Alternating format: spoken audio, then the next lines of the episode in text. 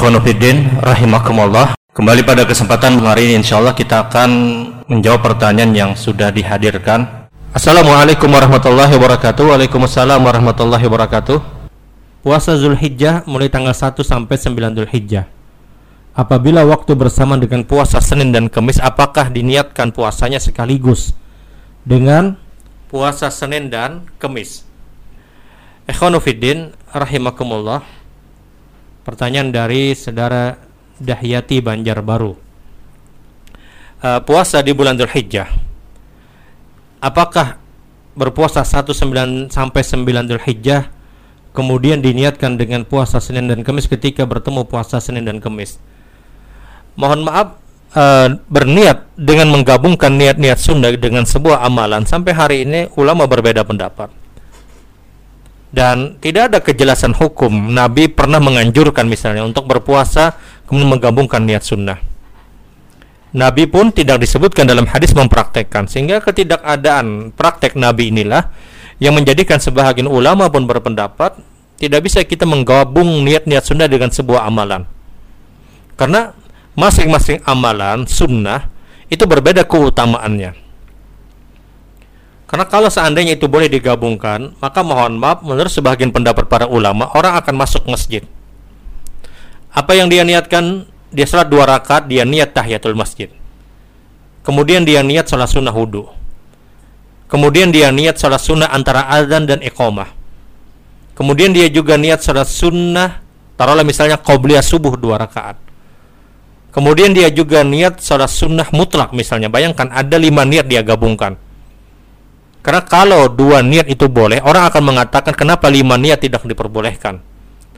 Nah, di sinilah para ulama kemudian menyatakan kalau itu dibenarkan, dilegalkan dalam hukum, ini akan meredupkan nilai sunnah. Orang akan malas untuk beribadah.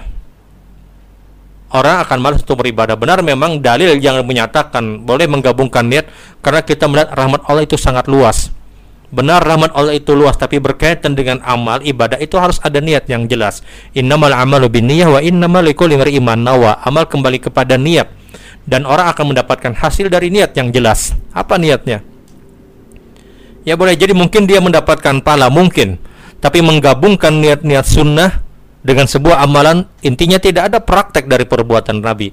Sementara ibadah itu mencontoh dari perbuatan Rasul Shallallahu Alaihi Wasallam. Ya pilihannya hanya apakah dia mungkin berpuasa di hari-hari Zulhijjah atau dia berpuasa pada Senin dan Kemis. Namun ini khilaf, ada sebagian ulama yang memperbolehkan. Namun pendapat yang menyatakan boleh tentunya dituntut apakah ada perbuatan Rasul. Kalau hanya pendapat, maka pendapat bisa diterima dan bisa ditolak. Kapan diterima kalau ada perbuatan Rasul, sabda Nabi ataupun praktek Rasul.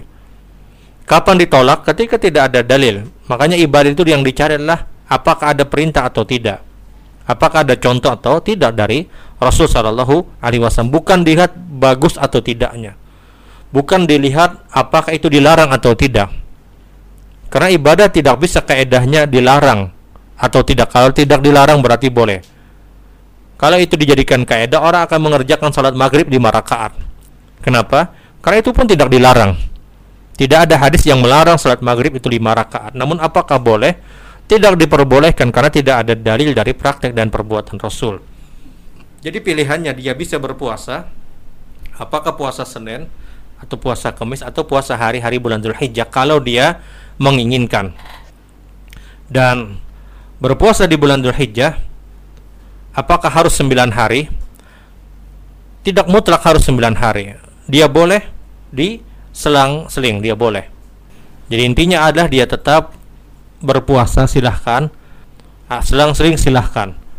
Karena kebaikan apa pun yang kita bangun di bulan Dzulhijjah itu pahalanya lebih baik daripada orang yang berjihad di jalan Allah Subhanahu wa taala. Tapi intinya dia berpuasa di 9 Dzulhijjah puasa Arafah. Saumu yaumul Arafah yukaffiru sanataini ma'diyah wa mustaqbilah kata Rasul. Puasa hari Arafah itu menghapus dosa dua tahun, tahun sebelumnya dan tahun setelahnya